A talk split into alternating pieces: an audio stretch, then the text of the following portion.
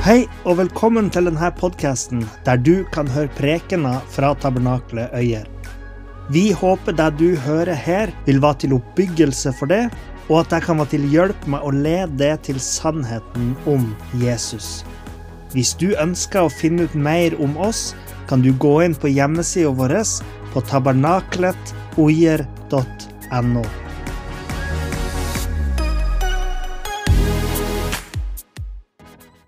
I dag så fortsetter vi denne serien som Inger Marit sa, om ørkenvandring. Og jeg skal fortsette i dag å snakke om vår personlige ørkenvandringer. Og da snakker jeg jo ikke om bokstavelige ørkenvandringer, men vanskelige ting, perioder med tvil, perioder der vi vandrer uten Gud, eh, som vi går igjennom i løpet av livet. Vi har alle den typen perioder der, der ting er vanskelig, eller der vi glemmer Gud, og livet begynner å føles som en tørkeperiode. Og eh, jeg vil la ei som heter Ally Willis, få lov til å beskrive hvordan hun opplevde det å, ha, å gå gjennom ei ørkenvandring. For hun har skrevet et essay eller, eller blogginnlegg eller hva du vil kalle det, om det her. Og jeg har prøvd å oversette det til norsk, så hun skriver det. Livet føles tørt. Håp føles umulig. Hver dag er den samme vandrer gjennom et endeløst stykke sand og stein uten tydelig følelse av retning. Men solen slår ned uten nåde. Som den uendelig kloke sosiologen og forfatteren Brené Brown skriver, fortvilelse er en åndelig tilstand. Det er troen på at morgendagen vil være akkurat som i dag. Ørkenen føles så veldig som et fortvilelsens sted, et dødens sted. For alle som var nær meg den gangen, vet de om den sjeldype tomheten jeg følte. Jeg sørget over tapet av hvordan jeg trodde det året ville være for meg. Hun snakket om et år der hun kom på, på universitetet og trodde alt skulle være bra. Jeg sørget over tapet av hvordan jeg trodde det året ville være for meg. Jeg sørget over mine brutte forventninger. Jeg opplevde en desorienterende troskrise. Stormet ut av kirken en gang eller to. Fordi brydde Gud seg i det hele tatt? Jeg var ganske lei meg i de ørkendagene, men mest sint. Sint på at jeg var lei meg, sint på at jeg var sint, sint på alle følelsene jeg hadde med meg, usikker på hva jeg skulle gjøre med dem alle, med intensjonen om å pakke dem ned og kaste dem i søppelbøtta, slik jeg gjør med brukt kattesand. Så i denne perioden i livet hennes så følte hun seg ensom. Hun følte på angst, hun følte på håpløshet. Eh, hun følte på de her følelsene som sinne som kommer når man går med en sånn frustrasjon, når man går med de her brutte forventningene. man går med, eh, I en sånn tørkeperiode så blir man frustrert, man blir sint. Og hun hadde en identitetskrise, en troskrise. Og alle de her følelsene de bygger opp til enda sterkere følelser, sånn som sinne. Hun skriver jo mye om sinnet sitt. Hun var sint på at hun var sint, så det bare dobla seg. ikke sant? En ond sirkel. da. Og det her er jo litt som israelittenes ørkenvandring, som vi har tatt utgangspunkt i i denne serien. Før ørkenvandringa så var det jo slaver i Egypt. Men allerede under dette slaveriet så var det jo som en sånn ørkenvandring for dem. De gikk gjennom en sånn tørkeperiode for folket deres, både kollektivt og personlig, der de var utlendinger i et fremmed land. Les i 2. Mosebok 2,23. Da sukket Israels barn under slaveriet, og de ropte. Jeg vet ikke om du noen gang har vært der de var. At du går og og kjenner på at alt er så tungt, og du bare vil rope ut. Men når du er i en sånn håpløs situasjon, så kan det skje at man blir frustrert sjøl av sitt eget rop. Fordi når man ikke har håp, så innser man kanskje at ropet er meningsløs. Sånn som hun, Ally Willis som sa at hun blir sint over at hun er sint. Det er litt som du står i en ørken og du, du har ikke håp, og så bare roper du 'hjelp'! Og så etterpå tenker du men hvorfor, å, hvorfor roper jeg 'hjelp'? Det er jo ingen som hører meg uansett. Så blir det bare enda mer frustrasjon. Kanskje føltes det sånn under slaveriet som israelittene var i.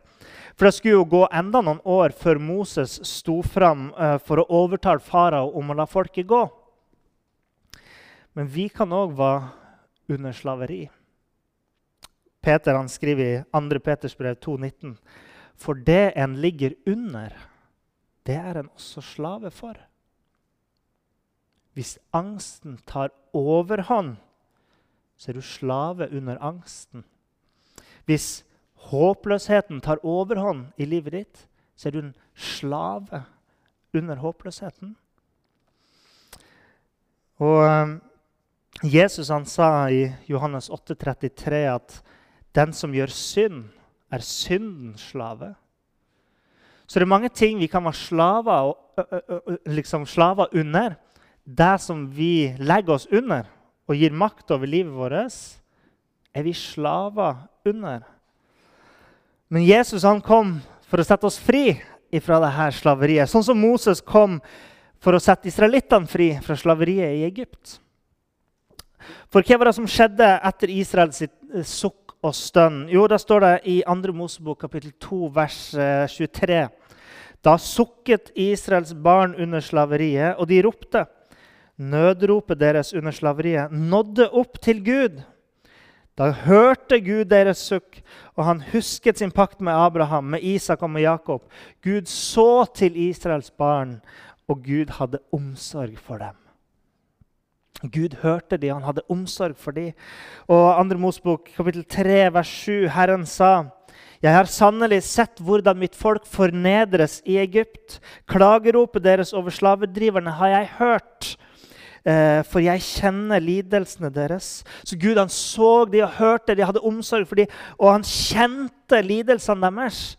Og vers 8.: Derfor er jeg kommet ned for å fri dem ut fra egypternes hånd og for å føre dem opp fra det landet og inn i et godt og vidstrakt land, til et land som flyter med melk og honning. Gud hører de, ser de, lider med de nærmest. Han kjenner lidelsene deres, og han gir dem et løfte. Han griper inn i historien på bakgrunn av sin omsorg for dem. Han griper inn i historien for å sette dem fri, for å bryte lenkene som de er under. Og etter litt, om, eh, litt eh, fram og tilbake da, eh, på, med fara og sånt, så, så får de lov til å, å gå ut fra Egypt. Og de har fått et løfte om et nytt land, et godt land, der de skal få bo og være fri. Men det var jo en vei dit. Først så måtte de gjennom en ørken. Og som vi snakka om forrige søndag, så stoler de ikke på Gud. De greide liksom ikke å komme der at de hadde en sånn dyp tillit til at Gud ville føre dem gjennom ørken. Sjøl om de hadde sett alle de store undrene, selv om de hadde sett alle de store tingene Gud hadde gjort for å sette dem fri, så klarte de ikke helt å stole på Gud. Og, og vi kanskje noen ganger tenker at hvorfor var de så udugelige? Og, og, det høres kanskje noen ganger ut som at jeg sier at å, se på de israelittene, de var så udugelige. liksom. De, hvorfor stoler de ikke på Gud? Men det er litt som historien om oss sjøl vi, vi ikke greier å stole på Gud. Sånn at Jeg prøver ikke å si at israelittene var verre enn oss. Jeg tenker at de er litt på samme sted som de fleste mennesker er. At selv om vi har sett det Gud har gjort, så glemmer vi han noen gang og stoler ikke på han. Uh, og vi kan jo f.eks. se at vi som troende, som kristne, har blitt satt fri fra syndens slaveri. Fri fra de ødeleggende tingene som bryter oss ned, de som vi ligger under. Også gjennom å tro på Jesus og det han har gjort for oss, uh, så, så, har vi blitt fri. sant? Men vi er jo fortsatt her. Vi er omgitt av farer. Vi er omgitt av tørkeperioder, vi er omgitt av sand og stein. Fordi verden er jo ikke det optimale stedet for oss å være. Vi er ikke i himmelen, for å si det sånn. Det er som at vi er på ei ørkenvandring. sant? Gud han har hørt våre rop. Han har tilgitt oss gjennom vår tro på Jesus. Han har ført oss ut av Egypt. sant? Brutt dødens lenker og alt det her. satt oss fri fra syndens slaveri. sant? Men vi vandrer fortsatt i ødemarka med håpet om det her lovede landet som ligger foran oss et sted. Og han vil hjelpe oss når vi møter fristelser. Sant? Du var inne på det her, Inger-Marit. Han vil at vi skal komme i mål, og han hjelper oss der vi er. Men på denne veien så må vi stole på han. Og Israelittene var slaver, og Gud redda dem. Og likevel så stoler de ikke på at han ville redde dem neste gang. Kan det være litt sånn for oss òg noen gang? Eh, jeg vet ikke om det, men eh, jeg har gjort samme synd flere ganger. F.eks. å lyge. Jeg løy ikke bare én gang, men jeg har løyet utallige ganger. Og eh, neste gang jeg møter fristelsen til å lyge, så har jeg et valg om å være stole på Gud eller ikke stole på ham. Det er ikke gitt at, at jeg aldri kommer til å lyge igjen. Men jeg tror hvis jeg hver gang stoler på Gud og setter min fulle tillit til Han, så kommer jeg ikke til å gjøre det. Men jeg stoler ikke helt på, meg sjøl, så jeg kan ikke love det her og nå. da tror jeg fort hadde blitt en hykler. Men Gud vil at vi skal komme i mål. Og, og Gud han hadde redda israelittene og ført dem ut av Egypt. De, altså, de, var på vei til å bli tatt av faraos hær på vei ut av landet. Men Gud han redda dem. Likevel så stoler de ikke på han neste gang. De var tørst og sultne i ørkenen, og Gud ga dem mat og drikke. Likevel så stoler de ikke på han. Hvorfor? Fordi jeg tror det har å gjøre med at de ikke husker hva Gud hadde gjort. At de ikke husker hvem Gud var. Er ikke med? Altså, eh, Hvis man hadde virkelig huska alt han hadde gjort, så hadde de jo stolt på han. Men de glemte. Se hva som skjedde da Moses gikk opp på fjellet for å møte Gud. Sant? Moses forlot resten av folket, og han fikk, gikk opp på fjellet og fikk de her to steintavlene fra Gud. Og Moses var på toppen av fjellet der i 40 dager og 40 netter. Og hvis vi husker forrige gang når jeg snakka om historien til israelittene, så 40 dager det er ca. nok til at israelittene glemmer Gud og slutter å stole på han. Og alt det her. Og det var akkurat det som skjedde. For det står i 2. Mosebok kapittel 32 vers, fra vers 1 da folket så at Moses drøyde med å komme ned fra fjellet, samlet folket seg rundt Aron og sa til ham Aron var sånn nestleder liksom, i det israelittiske folket. Eh, så sa de til ham, 'Kom, lag oss guder som kan gå foran oss.' For denne Moses, han som førte oss opp fra landet Egypt, vi vet ikke hva som har hendt med ham. Så de har liksom ikke helt håp for Moses lenger. Aron sa til dem, ta ut øreringene av gull som konene, sønnene og døtrene deres har i ørene, og kom til meg med dem. Da tok alt folket ut gullringene de hadde i ørene, og de kom med dem til Aron. Han tok imot gullet fra deres hånd, og han fikk det formet med en meisel og dannet det til en støpt kalv. Da sa de, 'Dette er din Gud, Israel.' Som førte deg opp fra landet Egypt. Jeg håper at det var en eller annen i folket som sa eh, Er det der egentlig den guden som førte oss opp derfra? jeg håper det var i hvert fall én. Og de hadde sett røyksøylen sant, som leder de på dagen. De fulgte en sånn, en sånn, røyksøyle når de gikk ut av Egypt. Og på natta var det en ildsøyle som de, som de fulgte etter. Det var Gud som, som manifesterte en sånn her søyle som, som førte de framover. De hadde sett den her. De hadde sett vann strøm ut fra en stein midt i ørkenen. Eh, de hadde sett et fjell bli dekka med det som så ut som, eh, eh, som sånn ild, fortærende ild, oppe på fjellet. Men de trengte en gullkalv for å liksom se Gud. Hæ? De hadde glemt Gud og hva han hadde gjort for dem. Sjøl når de sto og så utover landet, de kom til grensen til Israel og så utover landet der, så stolte de ikke på at Gud kunne hjelpe dem til å gå inn der. Fordi de hadde glemt hva Gud hadde gjort for dem. Men Israel de hadde grunn til å stole på Gud. De kunne stole på Gud på grunn av det han hadde gjort for dem. På grunn av alle de her tingene, på grunn av alle de her store tegnene og undrene, så kunne de stole på han. Fordi Gud han hadde vist sin kraft for dem. Hvis de bare hadde huska det. Sant? Det er derfor Bibelen er så full av oppfordringer til oss til å, om å huske. Eh, hør hva, hva som ble sagt til israelittene. 2. Mosebok 13,3. Husk denne dagen da dere dro ut fra Egypt, fra slavehuset, for med kraftig hånd førte Herren dere ut derfra. 5. Mosebok 5,15. For du må huske at du var en slave i landet Egypt, og at Herren din Gud førte deg ut derfra med en mektig hånd og utstrakt arm. 5. Mosebok 7, 17-19. Hvis du skulle si i ditt hjerte disse folkeslagene er større enn jeg, hvordan skal jeg klare å drive dem bort? Da skal du ikke frykte dem, men du skal huske nøye hva Herren din Gud gjorde med farao og med hele Egypt. De store prøvelsene som du så med egne øyne, tegnene og undrene, den mektige hånd og utstrakte arm som Herren din Gud førte deg ut med. 5. Mosebok 15, 15. Du skal huske at du selv var slave i landet Egypt, og at Herren din Gud utfridde deg. 5. Mosebok 24, 18. Men du skal huske at du var en slave i Egypt, og at Herren din Gud løste deg ut derfra.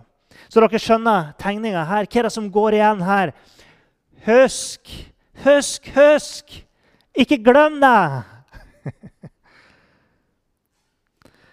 og det var det her minnet om det Gud hadde gjort, som skulle bære dem gjennom ørkenvandringa det var det som tilliten til Gud skulle være bygd på for israelittene når de gikk i ørken.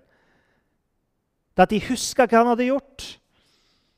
Det er som at Moses sier dere har ingen unnskyldning fordi dere har sett det med deres egne øyne. Hallo!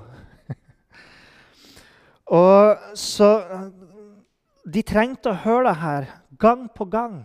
Stol på Gud, fordi dere husker jo hva han har gjort for dere.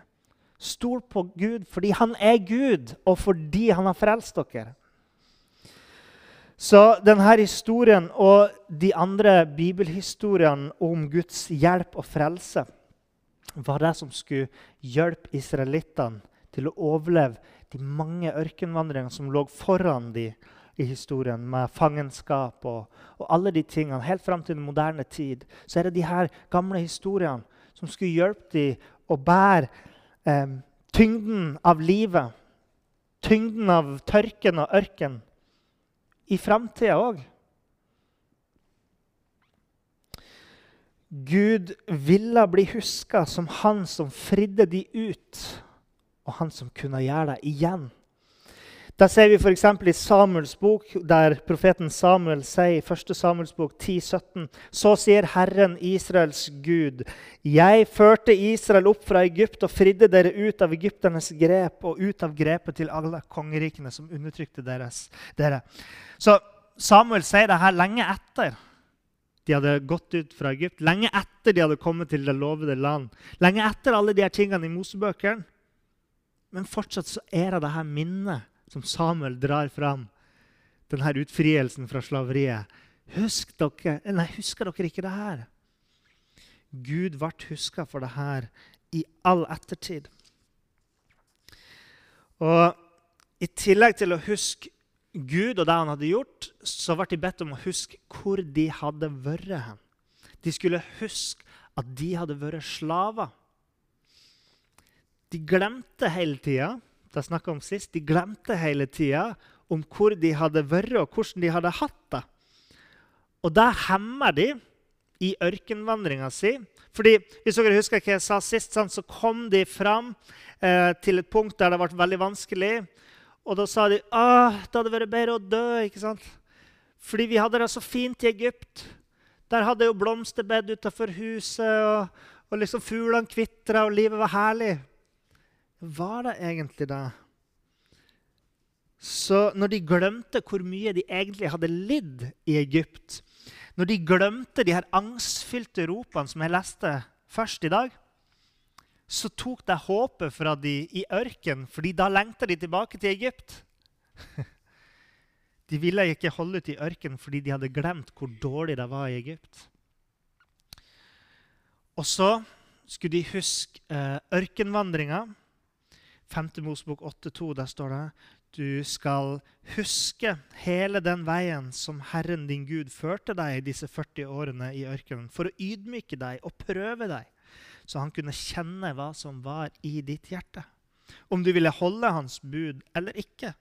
Derfor ydmyket han deg, lot deg sulte og ga deg manna å spise, som verken du eller dine fedre kjente, for at han skulle la deg kjenne at mennesket lever ikke bare av brød, men mennesket lever av hvert ord som går ut av Herrens munn.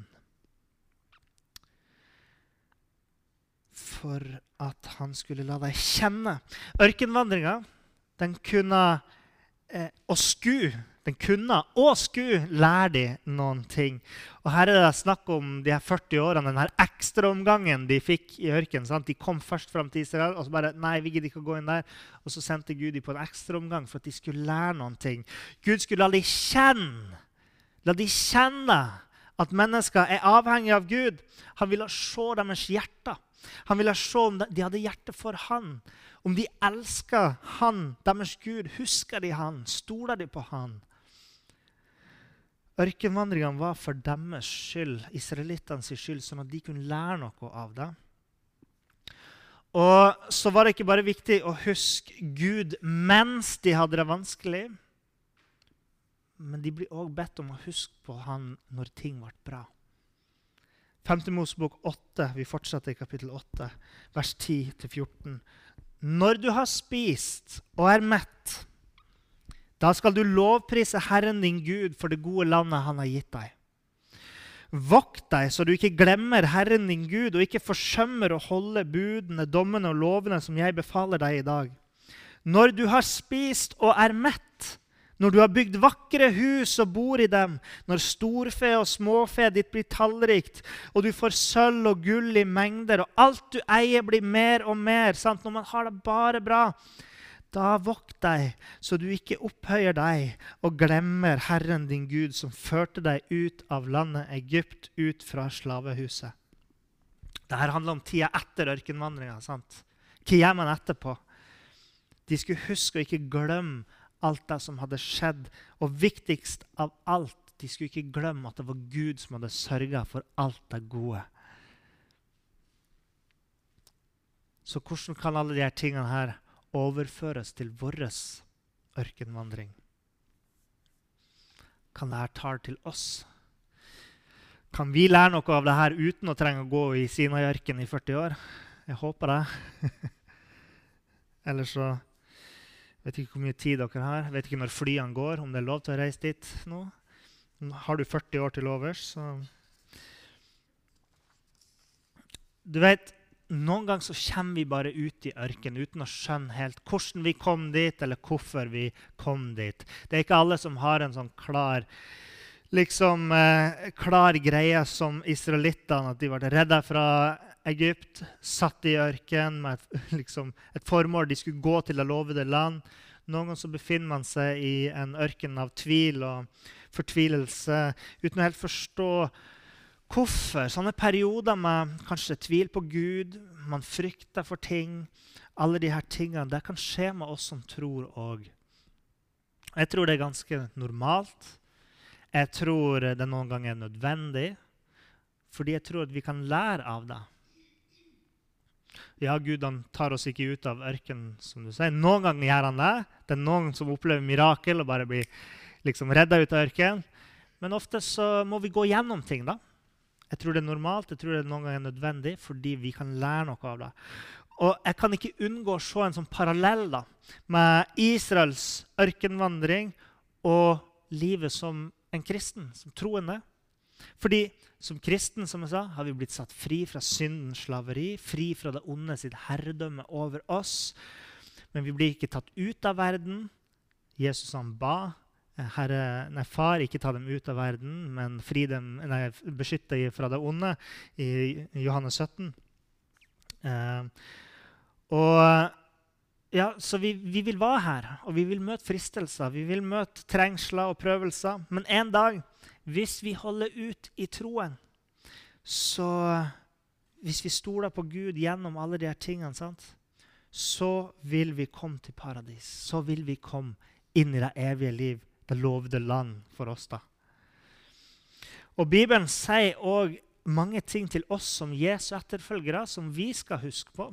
Kanskje kaller du ikke det en Jesu etterfølger, eh, men jeg tror fortsatt at det er noe vi kan lære av det her, alle sammen. Og jeg tror at du som enda ikke tror, eh, kan se at her er det mye godt å hente i denne troen. Efeserne 2,12. Husk at dere den gang var uten Kristus, utestengt fra borgerretten i Israel, uten del i pakten, paktene og løftet, ja, uten håp og uten Gud i verden. Vi skal òg huske hvor vi kom ifra.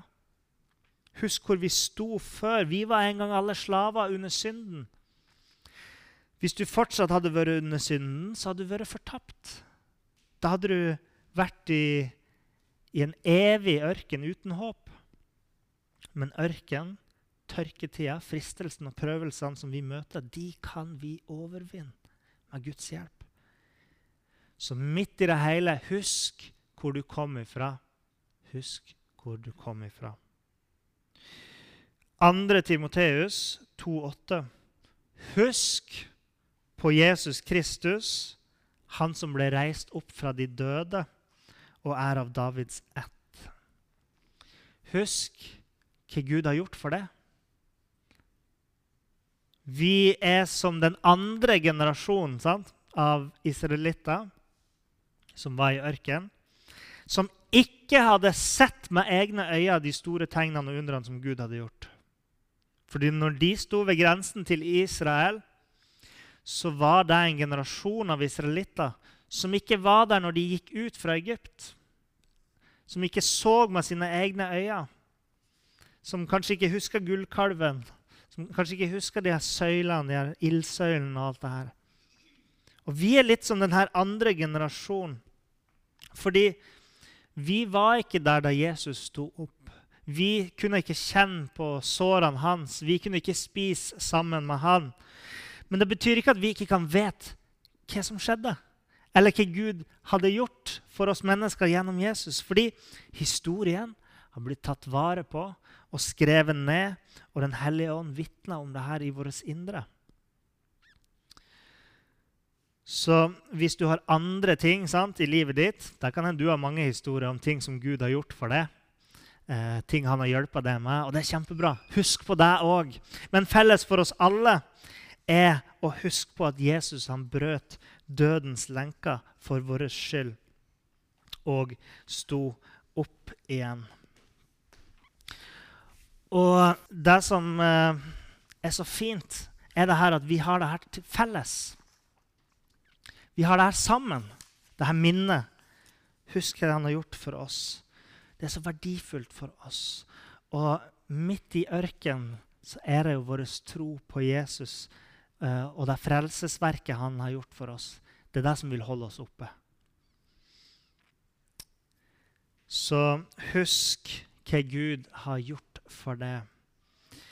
Hebreerne 10, 32-36.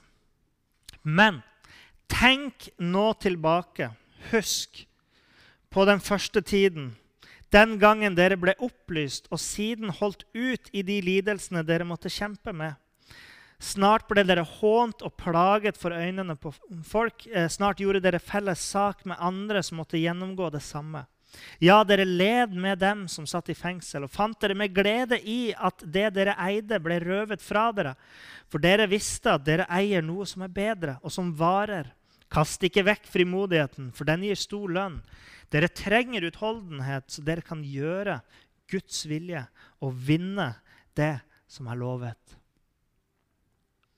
Husk ørkenvandringa di og lær av den. Tenk nå tilbake på den første tida, på lidelsene, det som var vanskelig. Ikke glem det. Lær av den utholdenheten du hadde da. Husk det. Husk ørkenvandringa di og lær av den. Første Tessalonikerne 5, 16-18 og vers 23. Gled dere alltid, be uten opphold, takk under alle forhold.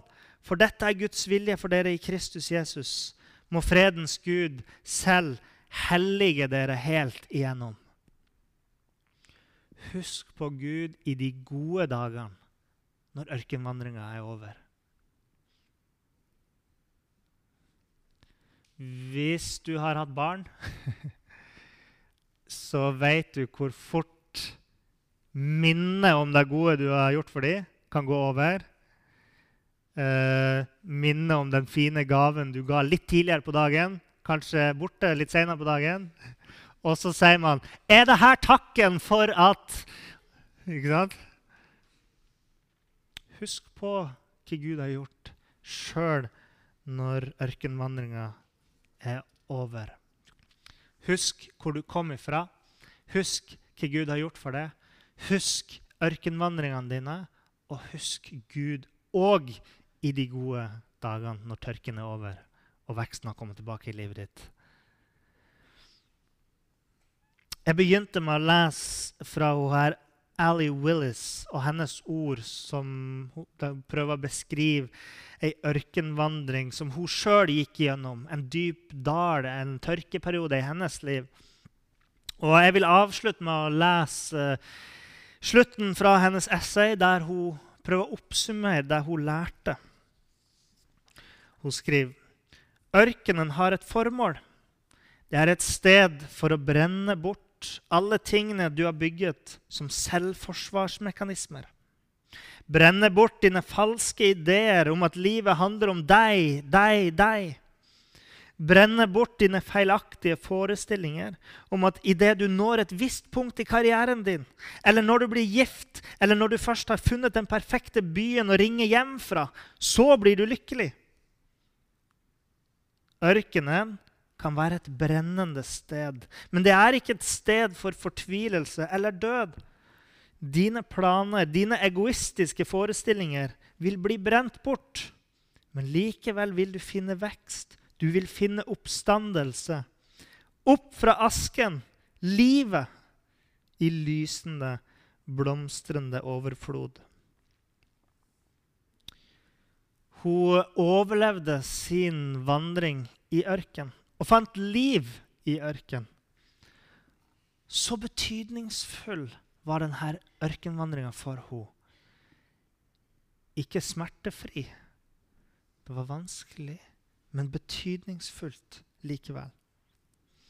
Og jeg tror det er et fint poeng å avslutte med. Hvis du husker Gud i ørkenen og stoler på Han, så kanskje du vil lære at livet kan finnes på steder du ikke visste det var, og at livet er større enn det du kunne forestilt deg. Mm. La oss be. Herre Far, takk for dine ord til oss. Eh, takk for det du ønsker å lære oss her i dag. Far, bare ber deg om at du skal hjelpe hver enkelt av oss til å huske det. Husk det du har gjort for oss, sånn at vi kan bygge vår tillit på det du har gjort. Hjelp, eh, hjelp oss til å stole på det. Hjelp vår tro på det til å vokse ut ifra minnene vi har, ut ifra det vi vet at du har gjort. Hjelp oss til å huske, Herre. Hjelp oss til å minnes. Hjelp oss til å minnes de vanskelige periodene vi har gått igjennom. Eh, minnes hvordan du har båret oss gjennom ting. Ber deg, far, du ser hver enkelt, de som er i en ørken nå, de som har vært i en ørken før. Be for de som er i en ørken nå, Herre, om at du skal bære dem gjennom. Du skal hjelpe dem, Herre. Gi dem det de trenger for å komme seg gjennom prøvelsene, fristelsene, trengslene, Herre. Jeg ber for de som har vært i en ørken før, som sitter her nå og har det veldig godt. Å, Herre, må du hjelpe dem å huske det nå i det gode òg. Hjelp dem å huske hvor de var hen før. Hvor de var hen uten det sånn at de kan takke deg og lovprise deg i dag. Jeg ber om at du kommer til oss, Herre, og at du kommer til de som enda ikke har tatt imot deg i sitt hjerte. Du ser alle de som trenger et nærmere forhold til det, som trenger å vende om til det, som trenger tilgivelse for sine synder. Og jeg ber om at du skal lede dem inn til det, Herre. I Jesu Kristi navn. Amen.